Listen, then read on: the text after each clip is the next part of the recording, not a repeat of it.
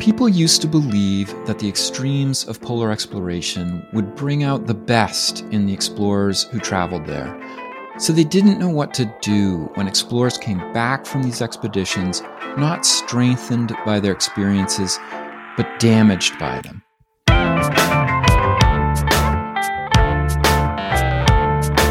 It's time to eat the dogs. I'm Michael Robinson. Today, Elizabeth Leane talks about Sidney Jeffryes, the radio operator for Douglas Mawson's Australasian Antarctic expedition in 1913. Jeffryes' struggle with mental illness challenged Mawson's expedition party, as well as the way that Mawson tried to present his expedition to audiences back home. Leane is a professor of English at the University of Tasmania and an Australian Research Council Future Fellow. She's also the co author, along with Ben Maddison and Kimberley Norris, of Beyond the Heroic Stereotype Sidney Jeffryes and the Mythologizing of Australian Antarctic History.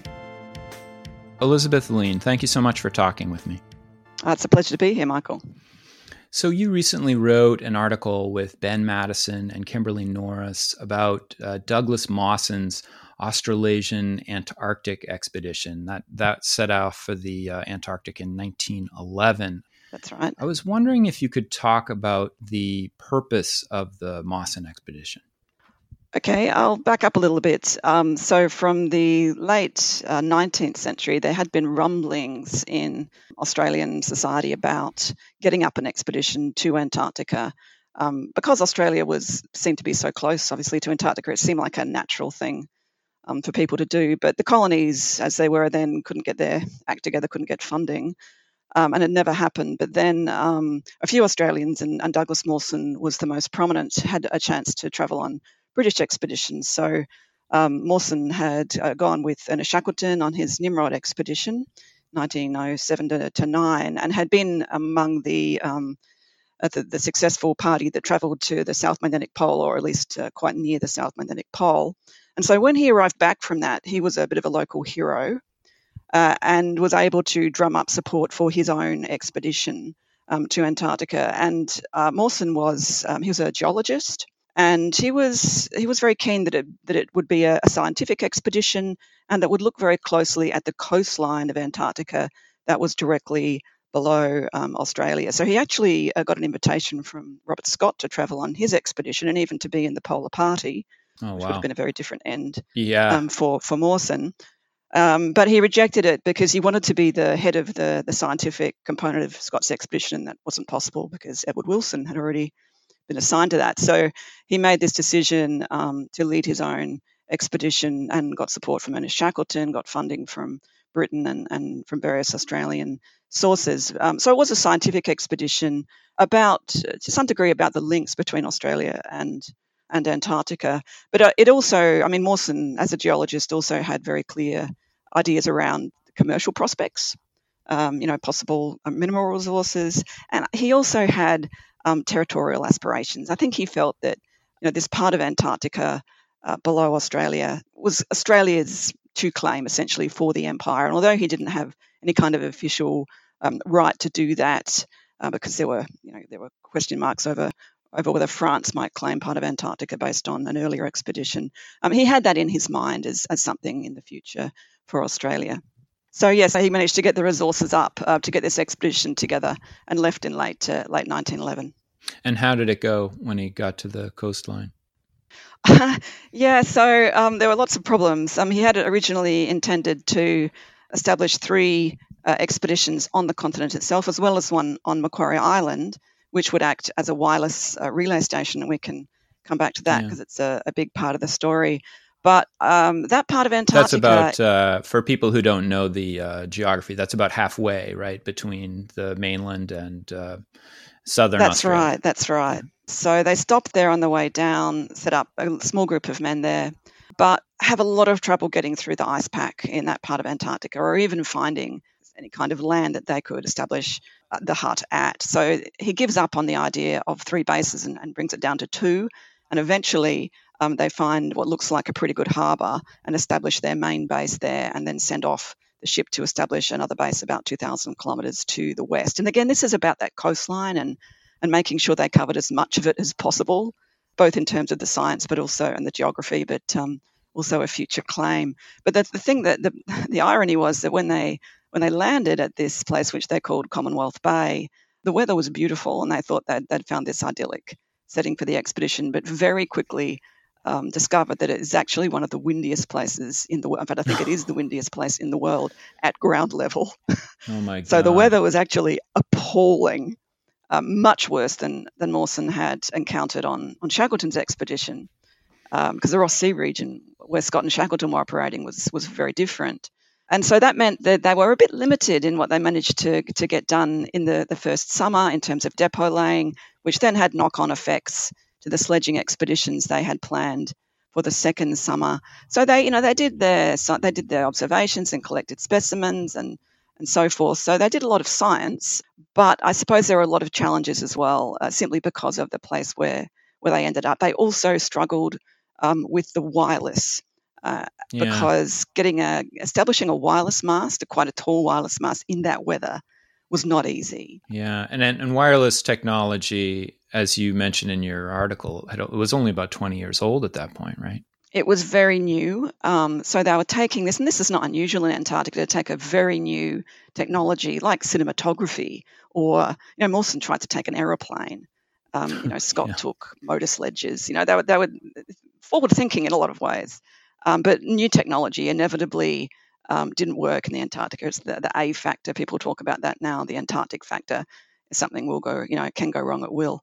So for Mawson, who was heavily in debt from all the expenses for the expedition, it was really important to get the news out via the wireless. It was one of his big innovations. Mm. And, you know, he was competing in a way against Scott and against Amundsen. He knew they were in Antarctica, going for the pole, which is much more newsworthy in a, in a, in a way than, yeah. than, what he was mm. doing. And so having this innovation of the wireless was incredibly important to him. Um, so not only were they struggling a little bit in terms of the sledging, but this this big innovation was not going too well um, either. And then um, Mawson runs into his own problems on this journey of horrors, right? He takes a long yes. So uh, this is this track. is the big thing that the expedition um, gets known for uh, retrospectively is um, they so they do these longer sledging journeys in various directions in the summer, and the longest one is Mawson supported by two men, um, Belgrave Ninnis and, and Xavier Mertz, um, who was a Swiss um, ski champion, and a whole bunch of dogs. So Mawson took took dogs, and all the dogs went with him on this long expedition out to basically um, the furthest east that, that he could go.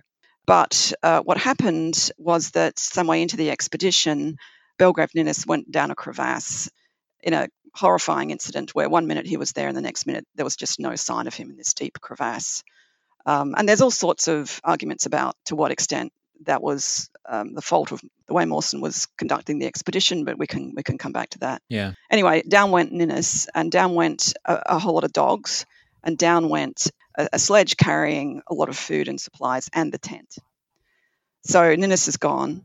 The two men are left with very little to survive and have to turn back and make it back to home. And and one of them, Xavier Mertz, had lost some of his his waterproof clothing and he on the way home succumbed to it's arguable but you know some combination of of problems with the diet he was having and, and the cold and wet and exhaustion and, and hunger he dies and then mawson is then left um, to get about 100 miles back home on his own in terrible condition with almost no rations and this is what the expedition has really become known for is this sort of heroic solo journey um, that mawson yeah. completes and uh, arriving pretty much the day that the relief, arriving back at base, the day the relief ship had come to pick everybody up and take them home. So there's this irony that if he'd got there, you know, a, few hours earlier, he could have jumped on that ship and, and they could all have gone home. But um, because mm. he was mm. late back to base, that meant that he and a few people who were left behind to wait for him or search for him were condemned essentially to another whole year in Antarctica that they never expected. Yeah. And that's where the story, really the main figure in your article is not Mawson, but uh, his radio operator, a man named mm-hmm. Sidney Jeffryes. Yeah. Who was Jeffryes? What's his story? So Jeffryes was born um, in regional Queensland in a little town called um, Toowoomba, which is uh, west of, of, Brisbane. And um, he'd grown up with a father who was a wireless operator for the postal system, and then he became a wireless operator as well. We don't know a lot about his early life because it's one of those figures that hasn't left a lot behind to uh, to tell us mm. about his early life. But um, we know that by the time Mawson's expedition was was in the news, he was he was working on ships for the Australian Wireless Company as a as a Australasian Wireless Company, sorry, as a as a wireless operator. And when the news of the expedition came out, Jeffryes fronted up to Mawson and asked for a position as a wireless operator uh, on the expedition. And Mawson, and we have the correspondence between Mawson and Jeffryes and various people. Mawson considers him to be a, a decent man, a good a good man, but the wireless operator positions have already been more or less assigned. And he writes to Jeffryes, oh, I'm sorry you didn't come earlier. You'll be next if any positions come up, but there's none for you at the moment. Yeah. So he doesn't spend that that first year in Antarctica. But then when the relief ship comes down, they decide that they they need um, a wireless operator on the ship. And so Jeffryes comes down, thinking he's just going to come down, pick up all the men in Antarctica, and then return back. But of course, what happens is Mawson hasn't arrived home and his his party hasn't arrived home, the existing wireless operator, a guy called Walter Hannam, was very homesick and was had this had had this terrible year without being able to really do much with the wireless. So he wanted to leave, and then but they needed somebody to man that wireless, and so Jeffryes was it. So you had this situation where um, he joins, and they leave they leave five other men from 1912 behind to wait and search for Mawson. So he joins this party of five men who've been living together for a whole year in this place and know each other very well. He joins this, he's a newcomer to this group. And then, of course, Mawson arrives back with these, this tragic news that these two men that have been with him and are much beloved uh, members of the expedition have died. So you've got one man who's just had this terrible solo journey and is physically and mentally massively debilitated.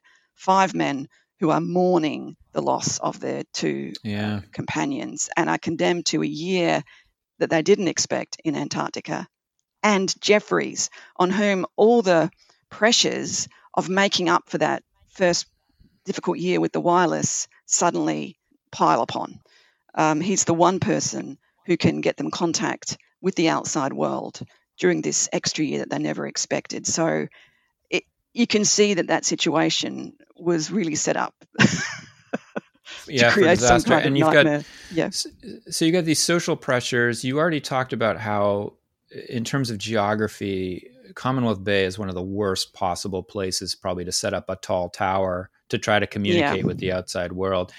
And yeah. then on top of that, you know, I was wondering if you could talk about the meaning of the radio operator for a party like this, the kind of essential function just just for the men on on expeditions to have a radio. Well, yes. I, I, mean, this was the first Antarctic expedition to introduce radio, which is interesting in itself. I mean, you have to think how different it would have been if something like um, Shackleton's Endurance had had a receiver and a transmitter. You know, it would have been um, a very different story. Yeah. So, mm. So it's the first time the radio is introduced, and the radio operator. I mean, his I guess his number one uh, job is to logistically make sure that the expedition is in contact with its ship and uh, and so that things can be coordinated. But there's also the job, of course, of getting announcements back yes, to yeah. to the world at home. So you know, Mawson immediately wanted to announce.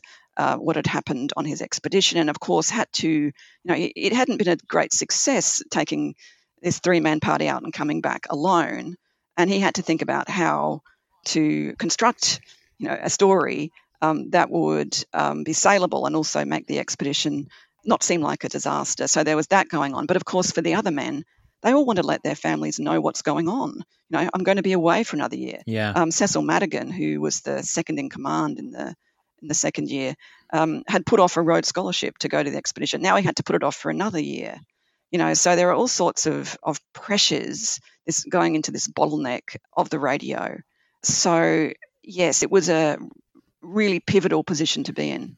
I um I spent some time looking at the records of Alex Brown, who was the radio operator at Macquarie Island, much later. You know, I think in the I think in the late fifties or early sixties, right? And and that base was, you know, it was a lot easier life on Macquarie in the 50s than it was Commonwealth Bay in 1912 and 1913. Yes. Um, and even then, it was relentless. People wanted to be on the radio all the time. They had to strictly ration the men because they were all constantly trying to get to the radio station and, and send messages home. I can only imagine right. that this was, uh, you know, multiplied by 10 for uh, Jeffryes. Okay, so that's right. So the interesting thing here, of course, is that he's using Morse and he's the only skilled operator.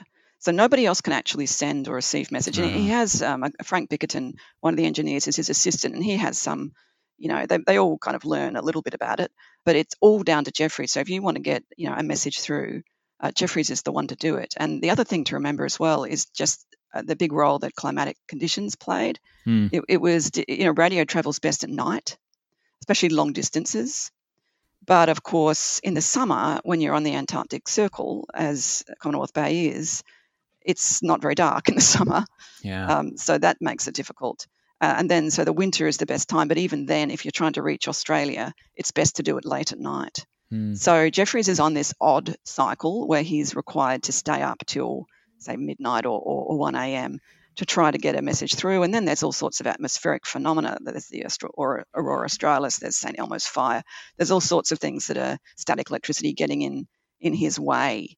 Um, so it's a real like it's listening to these really really faint signals and trying to to pick up something from it. And I think the the other thing to think about, just in terms of what you're saying about um, Macquarie Island, is you know was it a was it a, a good thing in a way for these men to have contact with people back home? There's some some people, you know, think it's actually better for a polar expedition to not have any contact yeah. because it mm. immediately brings up tensions and um, feelings that otherwise would be dormant. Um, so it's a kind of mixed blessing to be able to talk to home because it brings in all of these elements that you're powerless to do anything about, but you know about and can create all sorts of troubles.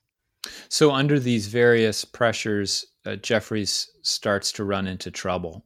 What what happens to him? Yes, so um, things go really well for the first six months in terms of Jeffryes. He's really the star of the expedition because he is this person who can get news into what is otherwise a very boring situation. But then in June, a big gust of wind knocks that um, that wireless one of the wireless masts down again, and so suddenly he's he's out of business. And it's around that time um, that things begin to go wrong. Hmm. And um, in early July, and I can go into more detail about this, but a couple of incidents set off some kind of violent events with Jeffryes. He threatens one of the other expeditioners, Madigan, to a fight, begins to say rather odd things, begins to act in a paranoid way. And by, you know, a few days into this, most of the other expeditions are writing in their diary that they think that he's, quote, off his base or uh, the, um, the expedition doctor thinks he's got some kind of, quote, delusional uh, insanity. Uh, and it quickly becomes clear um, that he is suffering from what we would now call a mental illness. And he begins, his behavior is very strange. He begins to um, save his own urine on shelves. Um, he stops washing, which, as you can imagine, in a small hut yeah. Um, was really problematic. But he gets very reclusive and mutters to himself. But I think the biggest problem really was that he he was paranoid and believed that um, the other men were out to get him in some way, that they were planning to to murder him. And again, he's in a he's in a hut. He's in this one room with God. them. Um, he believed that Mawson was trying to hypnotize him. So he's having very evident um, delusions. And this essentially goes on for months with ups and downs. But the um, the problem is, of course, that for the other men, not only living with him, and, and they were they were actually a little scared. They they hid their firearms, which were otherwise just lying around, because they obviously did fear that there could be some kind of really violent incident. But the other problem for them was that he was their radio operator. They didn't have anybody else who, who could do it the way um, he could do it. So the radio suddenly becomes this this point of massive tension. Um, hmm. Um, with Jeffryes, it's the only thing Jeffryes has left now in a situation where he thinks that everybody else is out to get him. Um, and so he, he kind of jealously guards it oh uh, and also uses it to his own his own purposes. So he sends out messages saying, the others aren't well, I'm going to have to leave the hut. Sending this out to Macquarie Island, those messages didn't make it to Macquarie Island, um, but of course, Mawson didn't know that. So then there's a worry that, oh, we've got this person sending out messages to the world who, who isn't right in their head. So you can see it's a it's a really compelling story. This you know these seven men in this hut, and from what I can tell, they were the only people on the continent at this point. They are so isolated. Yeah. And one of them is having a major psychotic breakdown in one single room. Yeah. In one room, you know, it is an incredible story. Mm. And I suppose that's that's what drew me to it was the fact that the story that always gets told from this expedition is this heroic march that Mawson does, this solo march, not this story of domestic tension, which to me is even more interesting. Well, and um, so that's that's one of my motivations. Yeah. Yeah, and the thing that makes it particularly interesting is after they are relieved and are going back to Australia, the Jeffryes story doesn't go away. It stays in the news. yeah, so so that was the other thing that you know they there's these various you know um, ups and downs during that last six months, and Mawson eventually uh, uh fires Jeffryes, which is a very strange situation because he can't leave his workplace.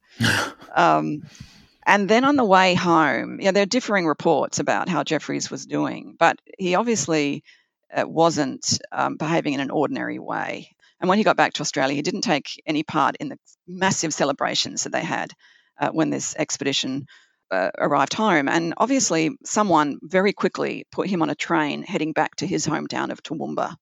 In the meantime, he'd sent a letter to his sister, which obviously set off major alarm bells for her. And she telegrams saying, "Don't let him go. He's obviously not mm. right. We have to, we'll have to come and bring him home." But he's already gone, and he's on the train. And the next thing they hear are these press reports about this man who's wandering in the bush in, in regional Victoria, saying that he's part of the Mawson expedition and that Mawson has hypnotized him. So it hits the press, of course. I mean, this is in the wake of these massive homecoming celebrations that suddenly there's this guy who who quickly gets committed to a, a nearby asylum. Uh, who's been on the so expedition. it's like in, under any circumstances this would be a huge distraction to the return of the Mawson expedition but you make the case and your co-authors make the case that there was a particular stigma that got attached to mental illness in general at that time but also in particular to explorers. What was the nature of that? Yeah, I mean, I think it's I think it's all tied to these ideas circulating, or these anxieties, I suppose, circulating at the time about whether you know white male settlers were up to the job. You know whether they weren't sort of on the decline, and it ties into all those worries in the late 19th century about degeneracy, about urbanization and its impact on men. And there were particular worries, of course, in, in the colonies, I think, not only because you know the European men settling those colonies needed to be you know physically strong to do the jobs they had to do and and mentally tough to survive in those uh, unfamiliar environments, but also because of the weather and this sense that you know in in the tropics or in hot places that white European men could could lose it in various ways. And the, the polar regions were the kind of antidote to that, I think, in the sense that they were seen as being mm. invigorating. Mm. And places where, which were really were uh, were tests for white masculinity, and where ideally that test was passed. And, and what you saw with Jeffryes was quite the opposite. You know, someone who had gone to one of these um, invigorating regions and had completely failed all of those ideas about endurance and stoicism and mental toughness and so forth. It's worth it's worth knowing, I think, that this expedition was really tied in with those discourses around physical culture that you had at the time. Yeah. You know, exercise and wholesomeness. And one of the um, expedition sponsors was uh, Eugene Sandow, who was the bodybuilder um, who promoted you know physical culture and so forth and he'd given a thousand pounds to the expedition. Uh, one of the men who went down in 1912 was a physical culture instructor. So there were these ideas of manliness and and the body uh, alongside a kind of wholesomeness and, and mental discipline that were all playing into this expedition and what it stood for. And so then having someone being associated with this very stigmatized idea of, of insanity, which now we think about mental illness as an illness. But I think at that time, it was a transitional period where it was still seen as a kind of, of a weakness in a person. You know, a sign of, of weak masculinity. Yeah. So that's the word that gets used around Jeffryes in the press, and Mawson uses it that he was weak. And, and that's why these all of these things happened. Um, so there's this kind of strength versus weakness. And and Mawson also he makes the point that this was probably a pre-existing condition for Jeffryes, right? This was not something that happened uh, on the. That's base. right. Now that this is a really interesting point. So Mawson constructs a story retrospectively in the press that when Jeffryes arrived, he had you know had this. He very quickly showed sign, these signs of weakness. Now, if you go back and look through the diaries mm. leading up to midwinter, there's absolutely no evidence of that. You know, nobody writes about that at the time. The only sign I can see that something might have been wrong is um, in a, a diary from one of the people on the ship going down that Jeffryes was a bit smelly, which might suggest there was some kind of decline in hygiene. But there's nothing about that in the first six months in this hut when they're all living together. So, and you know, on the ship he'd been terribly seasick and vomiting, so you know anyone would be smelly. So this narrative that Mawson constructs about him having been weak to begin with, I think is really a bit of a cover up in a sense, saying that, okay, it's not our expedition that's responsible for this. It wasn't us that made this happen.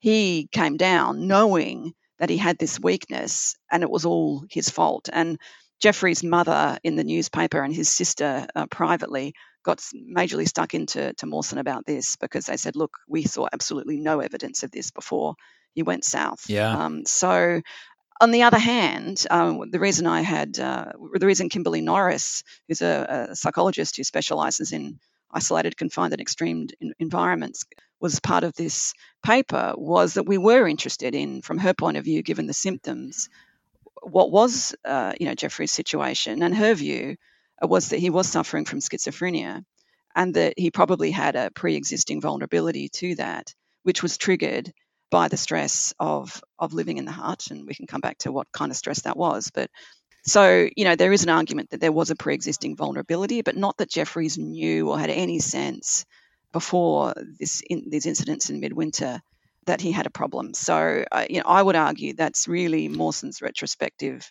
narrative to save his reputation. So you start your article uh, saying that Jeffryes on the centennial centenary, yep. centenary yep. of the uh, Australasian Antarctic expedition uh, is actually being honored, and that's a pretty far cry from the way he was treated when he got back. Why this sudden appreciation in Jeffryes? Do you think? I think it's less a sudden appreciation of Jeffryes than a turn towards a revisionist attitude towards Mawson as a as the figure of the heroic mm. scientist explorer. So, you know, what's interesting about Australian Antarctica, or one of the interesting things about our, our, our history and the way we mythologize it is that we have this one single figure, Douglas Mawson, who kind of stands yeah. for our achievements um, in Antarctica. And unlike someone like Scott, who really was attacked from what the 1960s, Mawson's reputation stood strong for a century. And it was only really in the centenary that people began to question it. And there was a biography published that was quite polemical in the way it treated Mawson, but also a number of the other expeditioners, suddenly their diaries began to come out and their stories began to be told. And Jeffryes was one of these, and a glacier was named after him officially. But what annoyed me slightly was that I felt like his story hadn't been told on its own that it was always just part of everybody else's story. And I thought, given the compelling nature of that story, it really needed to be out there. So, so there is this slight change, I think, but uh, you know, I still think um, you know Mawson's a very dominant figure in our history, and um, that's perhaps a little different from other situations where there's more than one um, explorer who who can who can hold that kind of um, mythological weight uh, that uh, ties a certain country's uh, history to Antarctica.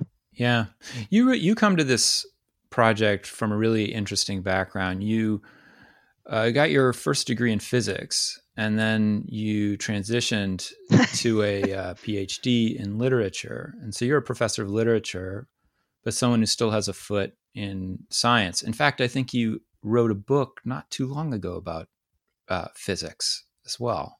Um, am I am I correct in that? Uh, yeah, that was a little over 10 years ago. Yeah, it was about um, science communication, really. Yeah. So there's a, an interview in which you say that you're really drawn towards edges and margins. Uh-huh. And uh, yeah. so I was wondering if you could talk a bit about your background and, and this interest in uh, the edges. Yes, I mean, it's just something that retrospectively I sort of diagnosed in myself as trying to explain um, my twists and turns of my career um, to myself. Um, but I think yeah, I think I tend to hang out on the edges of disciplines, which is why I find myself in between them. you know, so originally yeah, it's between I hear you on that. Um, English and, and physics, which is yeah, it's a very big gap between English and physics, but um, but you can you can make it work. And the one between literature and history, of course, is is much uh, smaller. But I also find myself there frequently, and I, I work frequently with people in other disciplines. In um, uh, I work with a musicologist a lot as well. I've worked with a marine biologist, uh-huh. so I think there's something about me that wants to get away from the core and the mainstream, and and that's also true um, geographically. You know, I've I've I find myself here in, in Tasmania, and I, I love being here at the University of Tasmania because I, I like the edge. And I think when I arrived here, now my, I had no particular interest in the Antarctic. I was interested in science communication, but suddenly you know, the Antarctic just drew me. And I think it was because it was this further edge. so I suppose I'll be in outer space next. Um, but I'm hoping to, um, to draw the line at the Antarctic. Yeah, you've said that you're, you know, coming from the literature point of view, that you're really interested in textual literary representations of Antarctica. And yes. and yet you've also said that getting to Antarctica was really important for you and you applied and received a an arts fellowship with the Australian Antarctic Division, mm. which I know are really hard to get. And yeah. you went to the mainland. So I was wondering if you're interested in representations of the continent, why would it be necessary to actually go?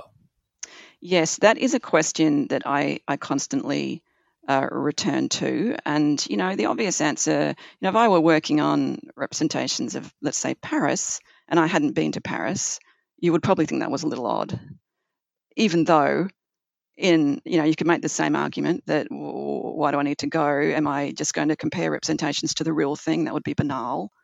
Um, but there is a sense, mm. I think, in which you know if you can go somewhere uh, that you're writing about, you should. And it's very hard as a literary critic to make the case for why. You know, and it's still difficult yeah. for me to articulate. Okay, what is it about actually being there um, that feeds into what I write?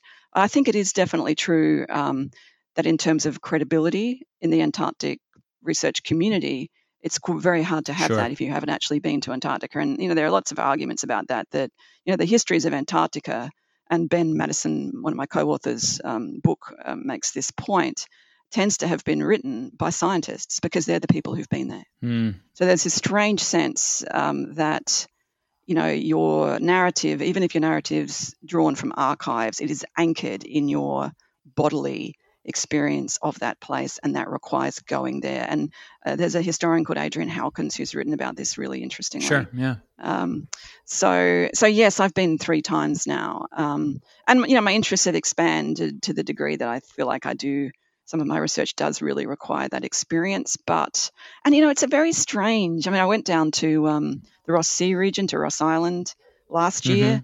And having read all of those exploration accounts, you know, Cherry Garrards and Scotts and Shackletons, to, to sort of be in a place that you already have that imaginative geography of is a very strange experience. And sort of layering that on top of the topography that you see around you there's something incredibly satisfying um, about it, but it's also troubling because you're right.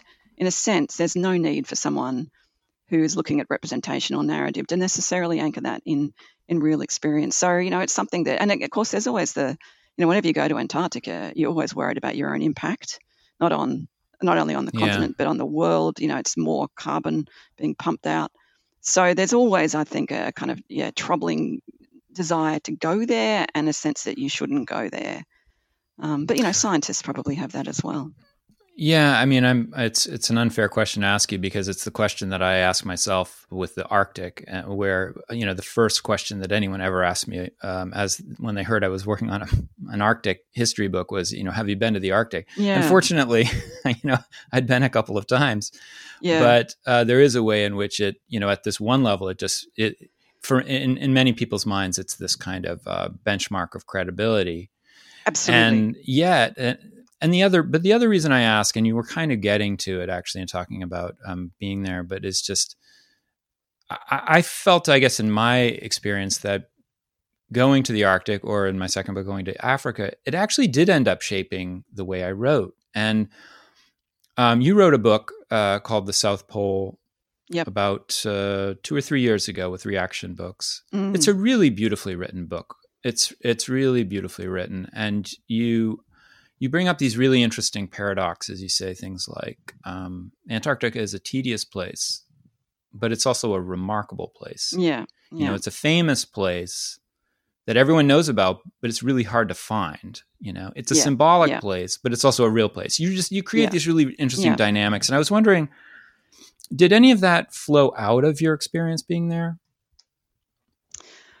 Again, that's um, that's an interesting question because one of the again, I, you know, I always got asked had I been to the geographic South Pole, Sure. having written a book about it. Um, and I think, in fact, I got a review in in Polar Record, the journal, which said, "Oh, she clearly hasn't been to Antarctica because there's no photo of her in the book there." Hmm. Um, so again, it was a, and I, I made a conscious. Well, I didn't make a conscious decision not to go to the South Pole because it's a pretty difficult place to get there, and I would have either have had to have spent a lot of money going with a tourist group or um, or tried to apply through the National Science Foundation, and I had a, two toddlers at the time, so it wasn't it just wasn't going to happen. But I think for that book, really, I made a it was a conscious thing for me that almost every story that had been told about the South Pole was about getting there. You know, it was that narrative of experience, and I wanted to tell quite a different one. You know, that went right back to you know ancient mythologies and and drew much more on on cultural understandings of the South Pole as an imagined as well as a real place, and tried to tie them together. So I don't know that I don't really think I think most of those observations came more out of my my reading um, than out of personal experience. I also talked to people, of course, who had lived at the South Pole, but I, I, I really think that came out m- more out of literature than anything else. But that's not to say that I think uh, to have a kind of confidence about talking about a particular geographical region, I really think it helps to have experienced it and to have had that um, you know that bodily sense of of going there. And one, one of the things that did bring home to me actually my trip on the um, on the icebreaker Aurora Australis was just how far away it was. Mm, You know, I think yeah. what happens when you go across the Southern Ocean, and, and a lot of people who go to Antarctica fly, um, but we we go from Australia, we go across this big stretch of ocean. It's really rough, um, and by the time you've gone across it and through that sort of week and a half of vomiting and so forth, I began to feel like I would never get there. It was just so it just seems so ridiculous that it should be that far away.